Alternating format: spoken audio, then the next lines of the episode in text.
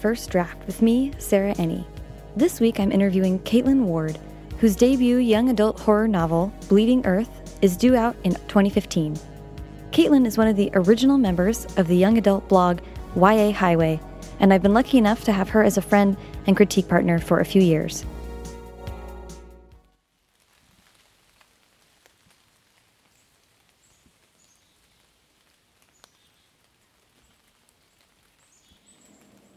Welcomes me to her home in rural New Hampshire.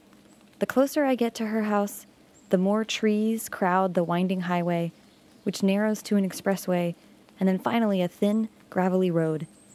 I pass the dairy farm that Kaitlin's family owned and roll up to the quaint log cabin style home nestled in spruce trees. This remote setting gives Kaitlin both her undeniable New England sense of resiliency and plenty of fodder for the scary, end of the world scenarios she imagines in Bleeding Earth.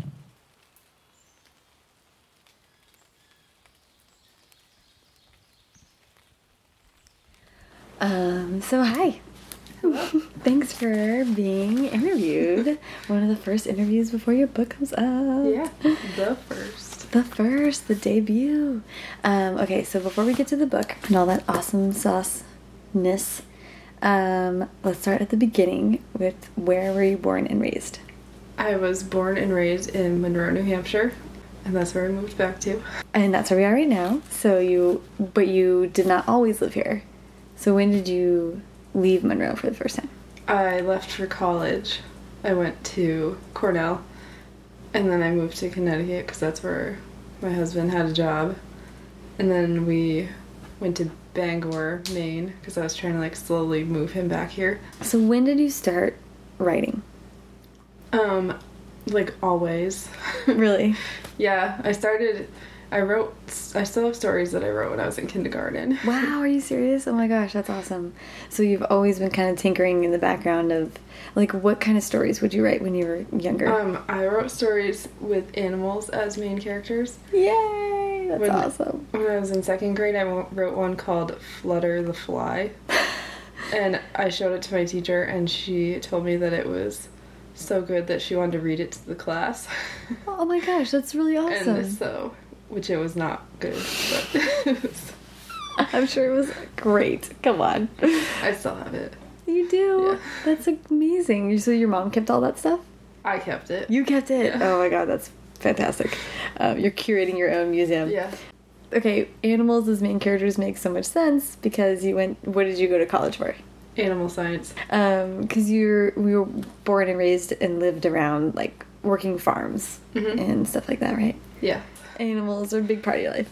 Um, were what about like in high school and college? Were you still writing? What types of stories were you writing then? Um, I sort of switched over to like high fantasy stuff by high school. Yeah. I ripped off a lot of Wheel of Time. nice. What are the big like fantasy book inspirations in your like young reader life?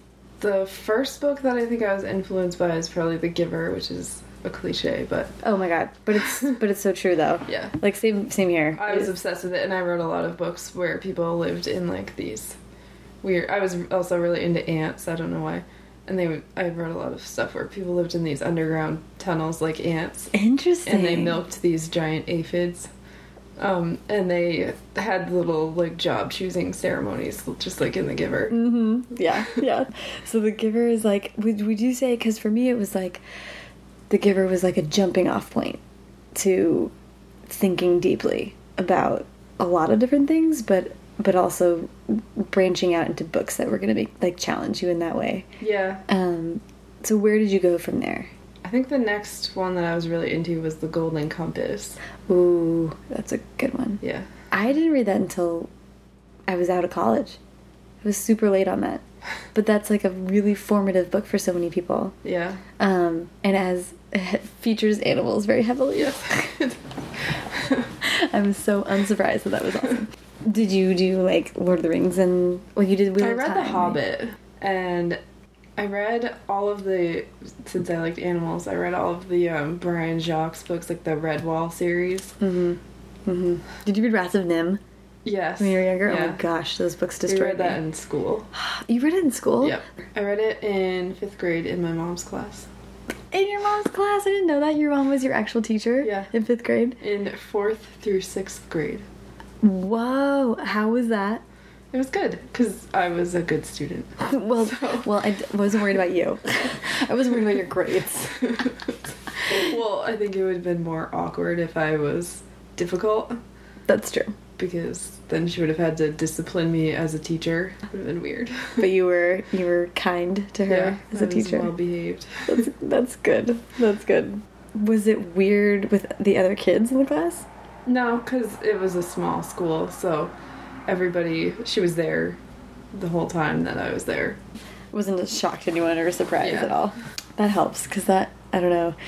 In a big school, that would be pretty rough. I think in bigger schools they try to avoid parents teaching children. Mm-hmm. Did you feel like that was a benefit to you in any way, or I think it was because she was a really good teacher, so yeah? I and she was very encouraging of creativity and stuff. I love that. Okay, so wait, wait. She it was Redwall that she read, or no, Rats of NIMH Rats of NIMH, yeah. in fifth grade. I think Oh. she still well, she just retired, but I think she still like was reading it with her fifth graders. That is so great. I remember the um, cartoon. Do you remember the Mhm. cartoon? It it's one of those cartoons, along with the Hobbit cartoon.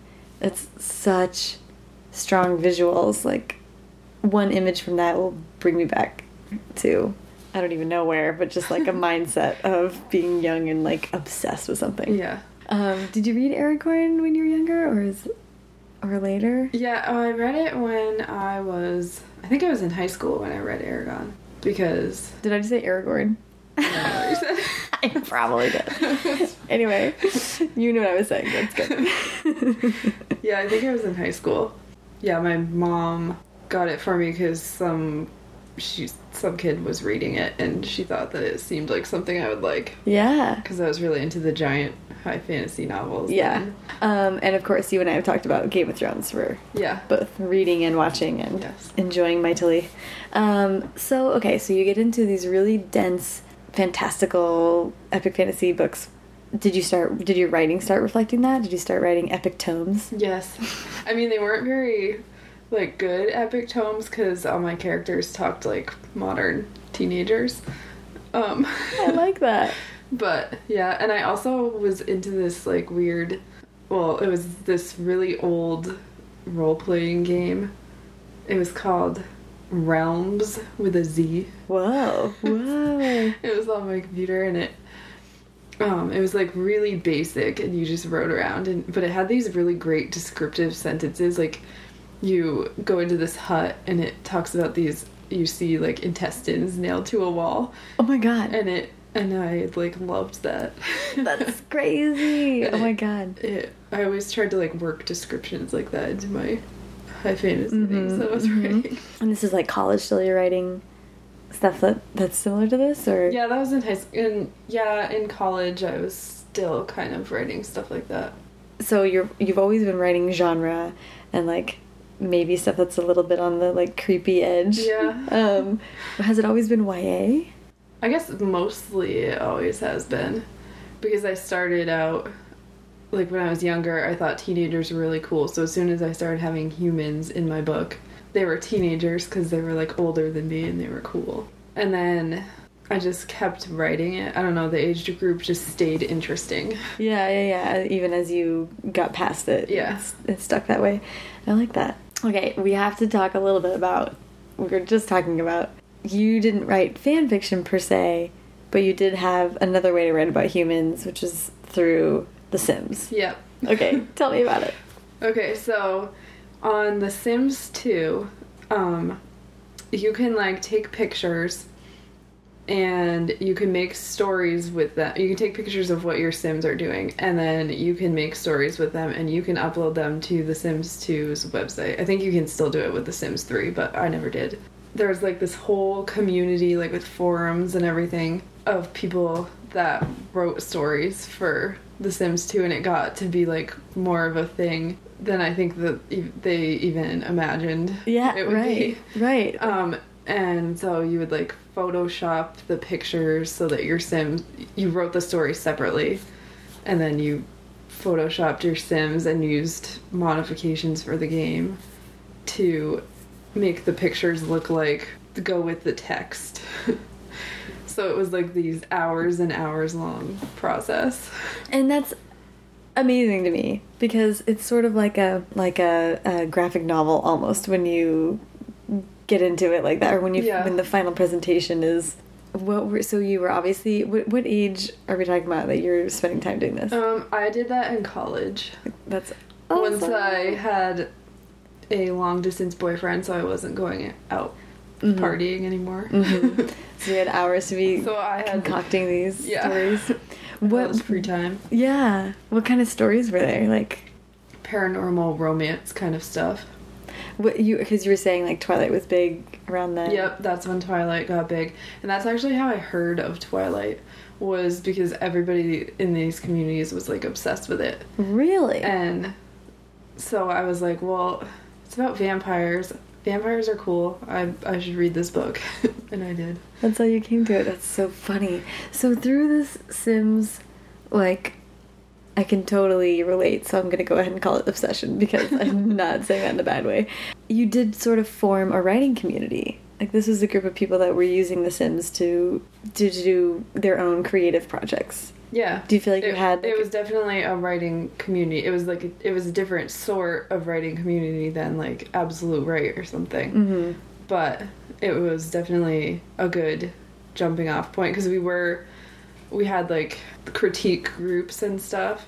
Really? And yeah, Wow. and we would each share like we had one chapter a week each and then everybody critiqued everybody else's chapter in the group and then um, posted it into this private board of the forum that was just for that critique group so you had this critique before you put your chapter up on the sims website Oh, so you were even you were guys were helping each other make your stuff better before it was even publicly available at all. Yeah. So it's basically yeah, it That's- basically was kind of like a precursor to beta reading. Yeah. And through The Sims, you met someone that carried you over to writing for more. Yeah, Traditional. Because one of the girls that was that started the forum that I usually went to, Chanel. She is the one who first was like, we should try to actually get these published, these books that we're working on, and Yeah. she's the one that found Absolute Write, and like I sort of followed her there. Um, so then you're in college, you have a long distance boyfriend, you have time to burn, and then you get sort of the idea with you and your friend are going to start looking at this for writing for serious. yep. Did you start writing the book that had originally started as Sims fiction and in novel form? Yeah, I did. And I kind of I think I realized really quickly that it wasn't going to get me an agent. I think I only queried like 3 agents with that book. How long did it take you to, to write that? It was actually like a 4 book series. So, I don't I don't actually know how long I spent writing it and rewriting it and That's a lot. all the things I did with it. And That's it was lot. the third one was like 145,000 words. Are you serious? How long were the other ones? They were a little shorter. I think A one little. of them was like 110 and one of them was in the 80s. And the fourth one I never actually finished. Wow. so you got a lot of writing in Yeah. on this idea. So that started as, as the Sims idea. Yeah. Wow. Okay, I did not realize that. So you you start writing this quartet of insanely long fantasy type books in college, and then you you said you finished them and you felt like some you you queried, but it wasn't like you. Yeah, well, that was sort of when all the par because by the time that I was like really serious about it, it I was out of college Mm-hmm. and I was being a stay-at-home mom, Mm-hmm. and that was when the paranormal sort of stuff was starting to get really saturated. Mm-hmm. Mm-hmm. and so i just i could like tell that it was just not going to also i think i knew even then that i was too precious about it and that Really? it was just not i knew there were giant plot holes and stuff, and I just didn't care. Yeah. Like yeah. I, I knew I wasn't gonna want to fix them. So. yeah. so better not to Yeah. put yourself in that position. Yep. So how did you how did the idea for the next book come to you? You know, I don't actually remember specifically how it came to me, but the next thing I wrote was involved future ice ages and mammoths and dinosaurs, which are all things that I really like. So it just kind of like made this mashup of things that I like. Yeah. and that's what you then queried with again? yeah, that's the first book that I queried really actively. And at that time, you had moved over to Absolute Write, so you were sort of like active in the forums there and you'd Mm-hmm. Yeah. made friends there. Like, what was your writing community online at the time? I started querying it like right after we first started YA Highway. Okay. So okay. there was the original five YA Highway members, and they were they all like beta read for me, and Cool. That's awesome. We can talk about this as much or as little as you want to, but I do want to ask a little bit about your first agent because the first agent didn't work out. yep, Um, nothing to do with you. yeah. And I'm just curious about how, like, how it sort of, when it was your agent left agenting, where did that leave you? I'm curious as far as um, just what logistics you had to be concerned about when you have this book that's been on sub to your knowledge. What do you do when you find out your agent's gone? You have to sort of figure out how to pick up the pieces. Well, my agent that I had left in a sort of bad way for her. She was obviously in a bad place. Um, so she didn't actually tell anyone except one client that she was leaving, and she told that client not through a professional means. So I heard it through the grapevine. And then I sort of communicated with a couple of other clients of hers, and I emailed the head agent at the agency and said that I was going to need the information about who it had been on submission to, the Yeah. book that I supposedly had on submission. Right. I think it was a very stressful time for him. Yeah, um, right. Because it was really abrupt and Yeah. but he actually handled it pretty well i thought once once we got like in touch by phone and he spent a really long time trying to figure out what happened Yeah. yeah. and it turned out that my book had never been on submission so i was free and clear um Which is good and bad. yeah but good for you going forward. Yeah. So there's at least that. I mean, I guess what I remember from that time was that it was nerve wracking for you to have to be as assertive as you mm-hmm. had to be. Yeah, it was hard because there were also right before she left there was a, an incident where communication was dropping off really severely, so I had to write an uncomfortable email too because your agent is working for you, and if they're not doing it right, then the first step is to say to them, like, listen, I, I want us to be able to keep working together, but this is is a problem, Right. And you need to change it. Right. Um, so I had to do that, and that's a really uncomfortable thing to have to do. no kidding. Um, yeah, and then I had to talk to this person on the phone that I didn't know at all, hmm The head agent. and that was a very uncomfortable situation all around because it, nothing was his fault, but I was frustrated, and he was obviously frustrated because he had all of these upset people yeah. talking to him, and Yeah. So then you find out that you have this book that has not actually been on submission, so it's still clear and free for you. What was your next step? Well, that book I actually um, just sort of put on hold. The Ice Age book that I had first, that I had very first queried, I had recently given it like a total and complete rewrite. And I had sent it to my agent, but she hadn't read it yet because it was very recent. So I polished that up. I had a couple more beta readers for it, and then that's the one that I started querying again to fresh agents. It was hard emotionally to go through that because it's really hard to be querying, obviously. yeah, oh my gosh, yeah. Well, and then to to be in the situation where none of it is your you didn't decide to leave your agent. You were Yeah. having to pick up the pieces after something outside of everyone's control happened. I feel like that's why I wanted to talk about it because it's a situation that does happen and it doesn't get discussed that often. It, it does, and it, it was kind of hard because at the time I wanted like there were a lot of people that were outside of the situation that were writing blog posts and stuff about like agent red flags and like she was exhibiting them towards the end, but Mm-hmm. but there she wasn't exhibiting them as soon as outside people were thinking that she probably was and Right. and so the whole thing just felt really embarrassing and I wanted it to go away and Yeah. like Yeah, that not sucks. exist but but now it's been long enough that it's not a fresh wound and I just kind of hope that whatever she's doing now that she's better Yeah, yeah, yeah, yeah. Well, that's good. Yeah, now that we're on the other, yeah you're on the other side. It's good. Important to know what what you legally still own and what's been out there, and yep having to draw those lines is messy, but important to do and Yeah. assert yourself. and uh, it was also as like bad as it was there were a lot of people some that i didn't know very well and some that i knew a little better like other agents that reached out to me and were and to some of her other clients too and um, were helpful like with advice about what to make sure that we did and stuff and and that was really nice just to just a good example of how people in publishing do care about each other Yeah, that's huge. yeah. It is a real community, and no one wants to see something like that happen. So, yeah. Um. Well, that was intense, but the good part is you have a wonderful agent now. Sarah LaPolla, Bradford Literary Agency. Yay! um. Want to give her a shout out. Recently, you had some exciting news. You sold a book. Yep. Yay! um. So, do you mind describing Bleeding Earth for Oh, us? Really quick. Ah, I know. Um, I'm, I'm good at this. Ah, do you want to give your con your contract description?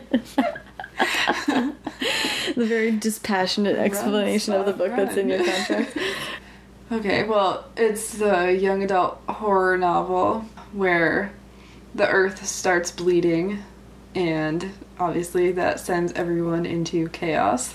yeah. So, so actually, that's interesting that you call because that was going to be one of my questions was whether you actually do consider it straight horror or is it sort of apocalyptic? It's definitely apocalyptic. I'm Okay. going with horror because it's like easier Mhm. to express it as horror. I mean, and it's pretty, it's pretty gruesome and horror-y. So Yeah, yeah, that's awesome. It's a it's a great blend of the two. Yeah. um, the two terrifying genres.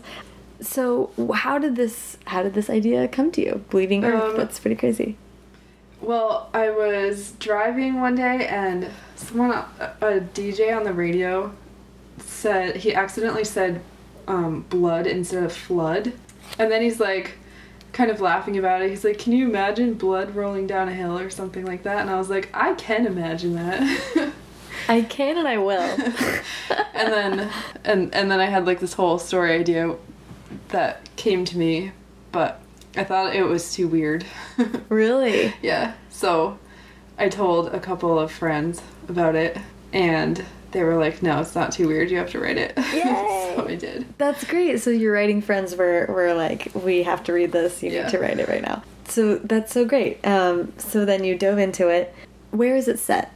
It is set in New Hampshire. It's kind of small town, New Hampshire, Yeah. like a rural environment. I based the town on a town nearby where I live, although I um, intentionally left out the name of the town just because I wanted to take some liberties with it. yeah, yeah, that's smart. I love that it um, is this horror, like um, apocalyptic horror, creepy story taking place in a rural northeastern environment. There is something about that that is so distinct. Um, and maybe it's just because Stephen King has been doing that kind of stuff for so long that you're like, it's it feels right. yeah. for horror to be happening in the woods of New England. But what is what is um what is like uniquely creepy about setting a horror story in this this kind of setting? the reason that I wanted it to be rural is that I felt like something like this happening in a city would people would self-destruct so much faster because everyone's crammed together and like public transportation is going to break down faster. They just don't have the resources are going to get depleted faster. People in the rural environment are going to be able to um, or are going to try to go on longer with a normal life. Yeah. So it just felt like it was better for like drawing out the horror slowly. Yeah.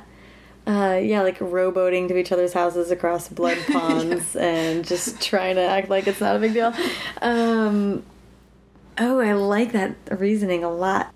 And that does sort of instantly inspire this kind of creeping dread. So, why horror? When did you start writing the book? It was a um, three years ago. I started writing it a couple years ago, I think. Okay. Yeah. And why horror has sort of like um, there's been a few books that have been out there and there have been horror and I feel like it's from what I've seen like mostly maybe psychological type of thing and this is this is definitely psychologically pretty scary but it is maybe more like a Stephen King like maybe more like a traditional horror story. Do you yeah, feel like I think it's more it's definitely more of a like gore fest kind of horror than I mean there's some like psychological elements for sure, but but it's definitely more. I mean, there's like a very obvious external threat. Yeah, um, yeah. Do you think there? Are you excited to see more of this kind of horror in YA? Do you think there's like room for more sort of gory scare fests? Yeah, I think so. I don't. I don't know if I think that horror in YA has really like hit its. I mean, there's like the classic horror, um, but I don't think that it's gone through its like peak of popularity mm-hmm. in our current YA cycle mm-hmm. right now. Yeah. So I think probably we'll see more of all the kinds of horror. Is it the kind of genre that you want to come back to? Do you want to write more books in the this vein? Yeah, definitely. Yay! oh my gosh. I am excited and terrified. what are some YA horror or just general horror that you were really inspired by or would recommend? Well, I guess the thing that was one of the most inspiring ones to me was probably This Is Not a Test by Courtney Summers because it had the same sort of atmosphere I was going for where everything is really terrifying that's going on externally. Um, mm-hmm. But the teenagers are still teenagers. Yeah. And they're they don't know how to handle it. You know, everybody's yeah. not instantly a badass. mm-hmm. Yeah, we're not Bear Grylls all of a sudden. Yeah. Like, yeah. Oh my gosh, that book is so good. I'm so excited for the sequel. I know, me too. Ah. Um, what about other? What about like not even YA ones? What are some other books that? Um, well, of course, like everything Stephen King writes, because yeah. you can't write horror without having read Stephen King. I don't think, yeah, or you shouldn't. And I definitely when I was younger, I read the Goosebumps books. That's I mean, for our age group, you can't not have read the Goosebumps books. It's a rite of passage. Yeah. When I like Fear Street. Yeah. Um, I never, I wasn't as big in Christopher Pike. Did you read the Christopher Pike? I wasn't ones? as big in him either. I missed that a little bit. Yeah. I did Fear Street and um, shoot, I feel like there was another one, but it was like Christopher Pike. I maybe read one or two, but it wasn't as present. But um, oh yeah, those are classic. Um, Are You of the Dark? Yeah. Yeah, I remember watching that with my brother. My brother thought he could handle it, and he, he couldn't. He was so much younger than me. But we had to talk about Stephen King because you lived close to Stephen King. Yeah, I lived in Bangor for a while. I drove by his house creepily. Creepily, yeah. I, I wanted to see it because it has the cool fence with like the little gargoyle things on it. Wait, describe the fence a little bit. What is? it? It's just it's just like a perfectly normal like wrought iron fence, but just has these little like gargoyle topper things on it. That's awesome. So it's it's uh it's definitely Stephen King's house. Yeah, I mean it's a fairly normal looking house, but it's a little, a little Stephen King touch, I guess. A little something. Well, I think like that. Those are his books. It's a fairly normal town, yeah. Except for some horribly creepy detail that eventually consumes them all. Did you ever see him? No, I didn't. I do want to talk a little bit about where where you live because it's always been pretty rural, pretty green, definitely tied to the earth and what what makes it home to you. Um, I don't know. I just I like being surrounded by nature. I like it to be quiet. I don't like um, hearing other people's noises. Mm. I like being able to look outside and see mountains and mm -hmm. trees and sometimes the occasional wildlife creature. um, we were just talking earlier about whether you'd seen a moose or not. Yes, no. I've seen many moose in my day. Majestic creatures. Yes. Um, what do you think it is, it is about, or what do you think that the um, that that kind of like natural setting and that rural environment feeds your creativity? Do you think it gives like you a, per, a unique perspective or a creative bent? I think probably it does. I mean, when I was younger, I used to um, go into the woods across the street from our house, and I would just walk back and forth. I had this trail that I had made, and I just walked back and forth and back and forth and made up stories in my head. Wow. Yeah. So, That'd do it. yeah. That's amazing. So you're just in the woods, getting lost in your I own would just do it for hours. I just like walking back and forth, literally. I Wow. even. I mean, sometimes I would go on like a longer path, but pretty much. That's incredible. Just thinking, did you write then go home and write those down, or was it just? I mean, some of them I made up a lot of them that I never wrote down. That's amazing. Um, so you, I mean, you just are in an environment where you can be alone and get Yeah. lost in your own thoughts for as long as you want. Yeah. um, which of course is huge. Like, and I think it's interesting. Writers are born and raised everywhere, but it does take. Um, in some places, it takes more effort than in others to learn to be quiet like that. Yeah. So the fact that you were pretty young and you were already like, it's like I'll just go hang out with my thoughts Yeah. for an extended period of time. That's awesome. It's like be- writer training 101. I was very good at self entertaining as a child. yeah, that's really cool. When so when does Bleeding Earth come out? Fall 2015. Yeah. And what are you looking at working on next? Um, I want to write another horror idea that I have. It'll probably also be set in New England. Yeah. W- yeah, would you set a book anywhere else, do you think? Yeah, I I would. Well, I guess a lot of other stuff that I've written is set in like the future or Oh, yeah, yeah, yeah. or high fantasy world, so it's not really here. um, could you see yourself in the future writing something that was maybe younger than YA or older than YA? I could see myself maybe writing something that was older than YA. Mm-hmm. I don't see myself writing middle grade just because I don't think that I have a good voice for it. I think that it take it takes like a unique talent that I don't have. Well, there is a, a real sensibility to it. I talked to Michelle Schusterman about this because middle grade it does require a really distinctive voice, and it's almost a, a viewpoint or like a certain sense of like magical type feeling. Yeah. It's not I mean I I maybe could write one and it would be fine, but I wouldn't be able to write one that has the middle grade voice that I the most like. Right. So then it just I just wouldn't like how it came out. Right, right. It's like- satisfied. Right, right, right. I think the same can be said for a successful horror. Like, I think that your Courtney Summers reference, this is not a test, that it's like such a perfect example because she, even when her books are contemporary, there is like a sense of lingering dread and a little bit of, of um, horror type elements, I think. And, and part of that is just facing the ugliness of humanity head on and how that makes us all feel like a little uncomfortable, but it's very satisfying to a lot of readers also. Do you feel like that that's always been sort of your tone and your outlook is like writing sort of this hardcore like horror type real shit? Do you think that's the vibe that you have I definitely writing? have always written like weirdly gruesome things. yes. Even when I was younger, I wrote like this strange dystopian with cows. Um, Okay. I want to hear all about this. um, there was like these genetically modified kangaroos. This was around the time when I was learning about the Holocaust for the first time. Oh too. wow. Um, so there's these genetically modified kangaroos, and they like took over the Earth, Mhm. and um, they put like these this little tiny herd of remaining scientist humans on this one island um, off of California. I took a lot of liberties with California in this book. Yeah.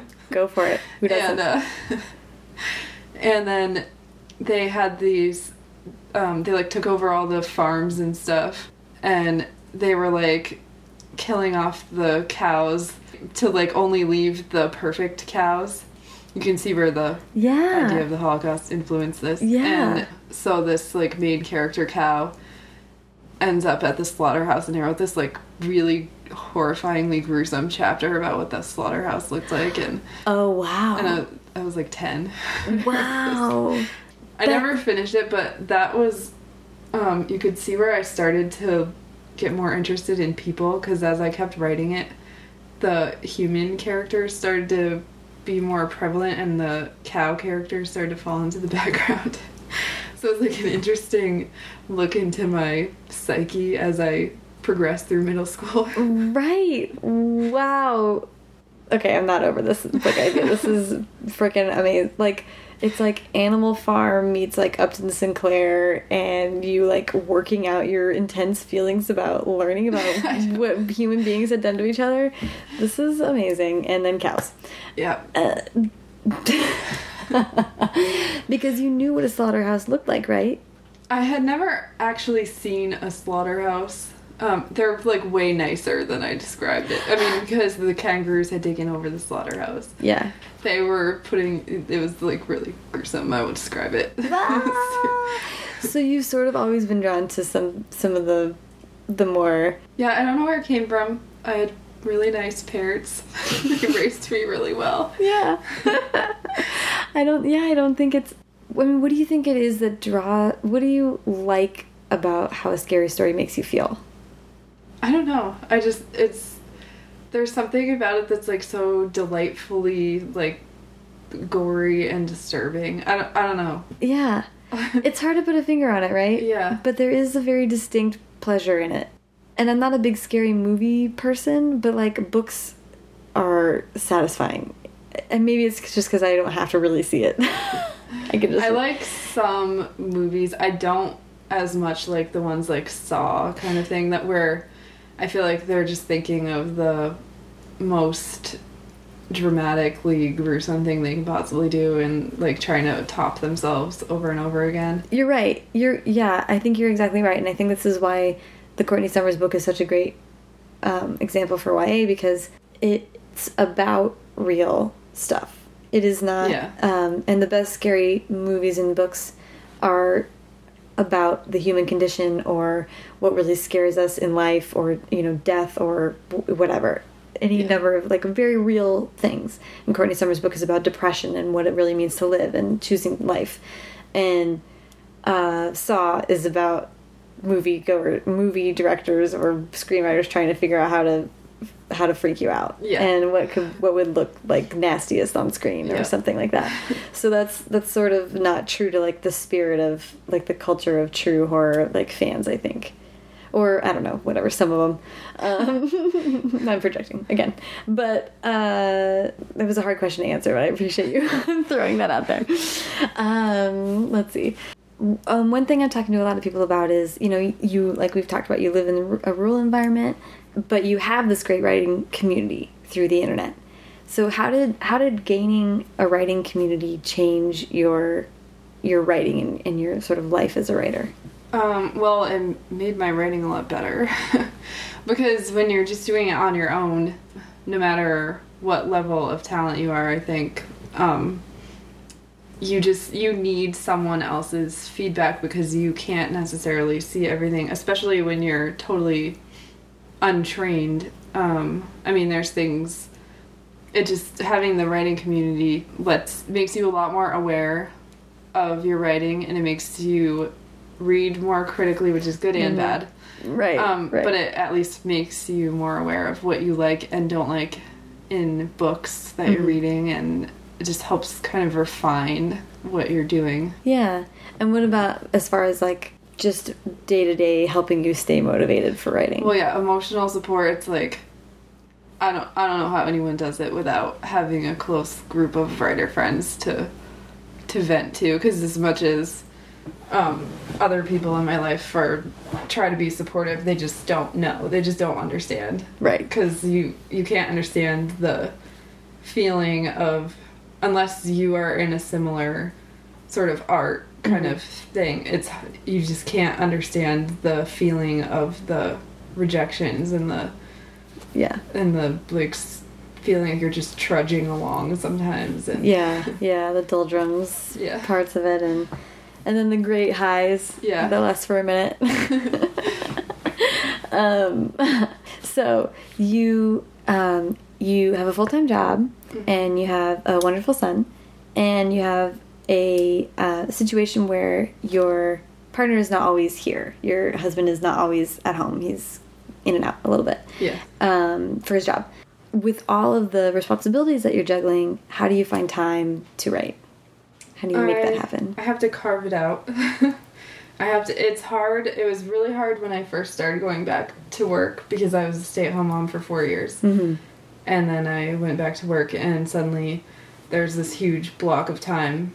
Um, not that being a stay-at-home mom doesn't is not draining because it is. hmm but I could snatch little opportunities throughout the day because I'm at home. hmm and I lost that ability because I was at work and my work is draining in like a totally different way. Mhm. Um, especially there's a lot of interacting with other people and I'm an introvert, so it's very exhausting Yeah. in that sense. Yeah. Um, so it was a rough adjustment, hmm but I just have to make sure that I take some of my time in the evenings to just write, even if I just write a little bit, just like anything. hmm hmm Um, and also, if there needs to be a couple weeks where all I do is play Tomb Raider, that's just what happens. That's Because just how it sometimes you just need that. Yeah. Yeah. So I like what you're saying. Like, you sort of have the goal of writing every night, even if it's maybe not the project that you're like supposed to be working on. Yeah. Like, just something to keep that, to keep the good feeling for it. Yeah, because I think that the longer. I don't necessarily think you have to write every single night. I'm not militant about it, but I think that if you let yourself go too long where you're taking a break, Mhm. sometimes it gets easier and easier to come up with excuses to not write, and then your your break of a few weeks turns into like a few months, and then you Yeah. don't know how to restart.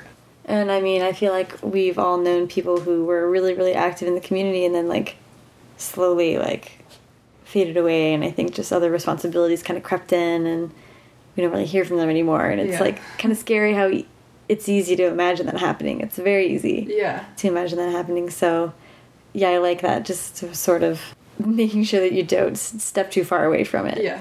Or Tomb Raider. Yeah. what are other games that you like to play on on regular basis? Well, I'm the most obsessed with Tomb Raider, but I play Mario Kart Yay! and Super Mario That's the best. and God of War. that sounds intense. It is a little bit. Any more Sims? I Sims still haven't happening? been well. I have The Sims 3. Um, I haven't played it so much lately because it can be really time consuming. Yeah. Because I really like to I like to look up houses online, house plans, and then create them in The Sims, and then I spend like hours and hours and. I'm kind of upset you even just said that. Like, Yeah. I hadn't even thought about that. Ah. Did you do the cheat where you get with Yeah, endless money? money. Do that. I would just do it right away. Like I was, I never even tried. it was like I'm not here to try to enact a real life. I want to just buy all the goofy stuff and have like a tiger and whatever. I'm gonna wrap up by asking what advice you have for other writers. So, what advice would you give to new writers? definitely make sure that you get a good group of people who will beta read for you. And it's fine if some of them are more cheerleadery kind of beta readers, but I think that with all the rejection and stuff that you inevitably face, um, because most people get quite a bit throughout the process, you know, you get it before you get an agent, and then again when you're on submission, it's important to have that like earlier step where you're getting feedback from your peers and they're trying to help you they want to help you mm-hmm. make your manuscript better and it's like a good practice for getting thicker skin because it is really hard to go through the whole thing Yeah. so you have to really want it Yeah. And how do you, I mean, taking critique and getting critique, I love that you sort of started pretty early. Do you feel like getting critique on your Sims fiction I mean, that's sort of a like stepping stone, right, to Yeah. getting full on novel critique. Do you think it was less painful with that, or was it the same?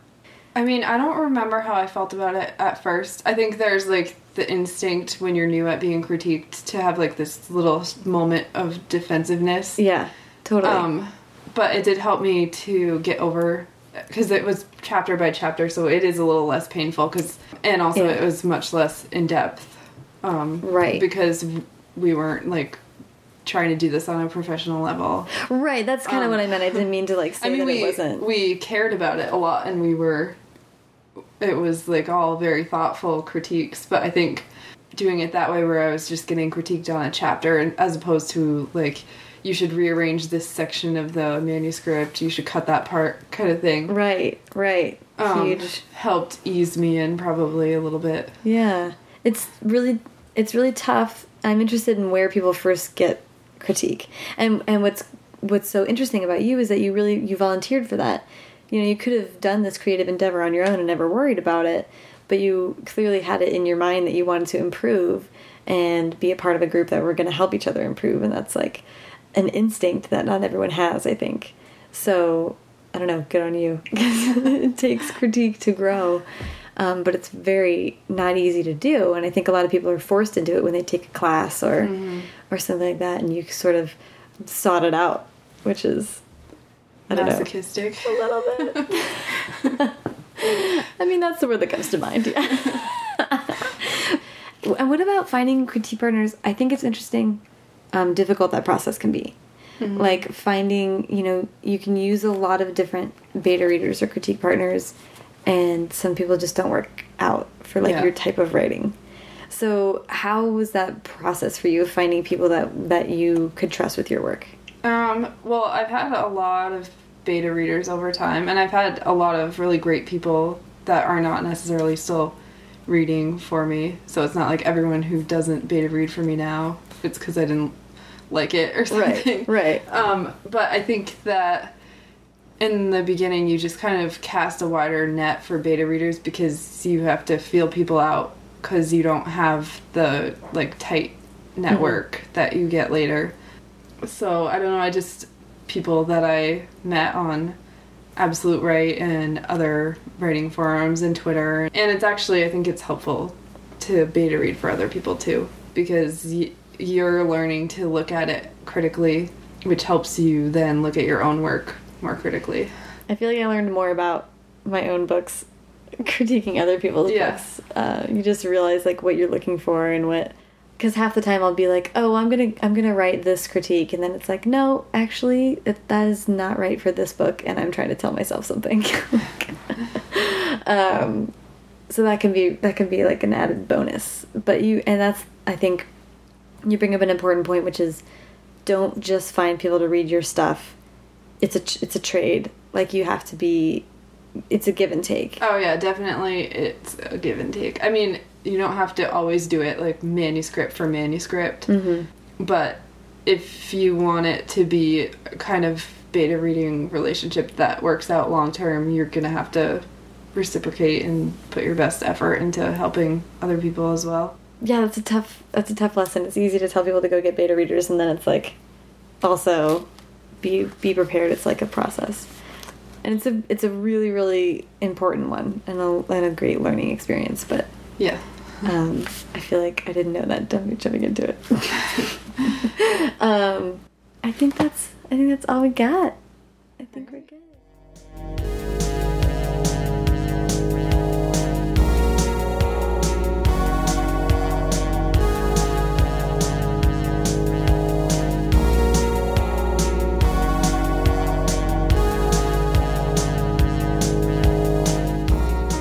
So much to Kaitlin.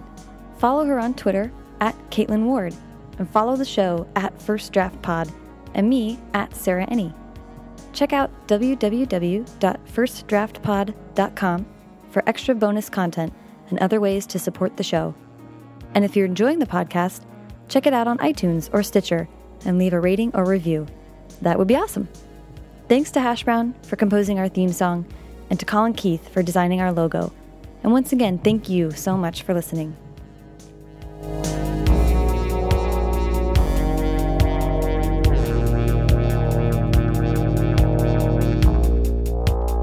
Oh God, wait, wait. I'm gonna edit this. What the fuck is the word for four bucks? Quartet? Okay, yeah, yeah. I'm like.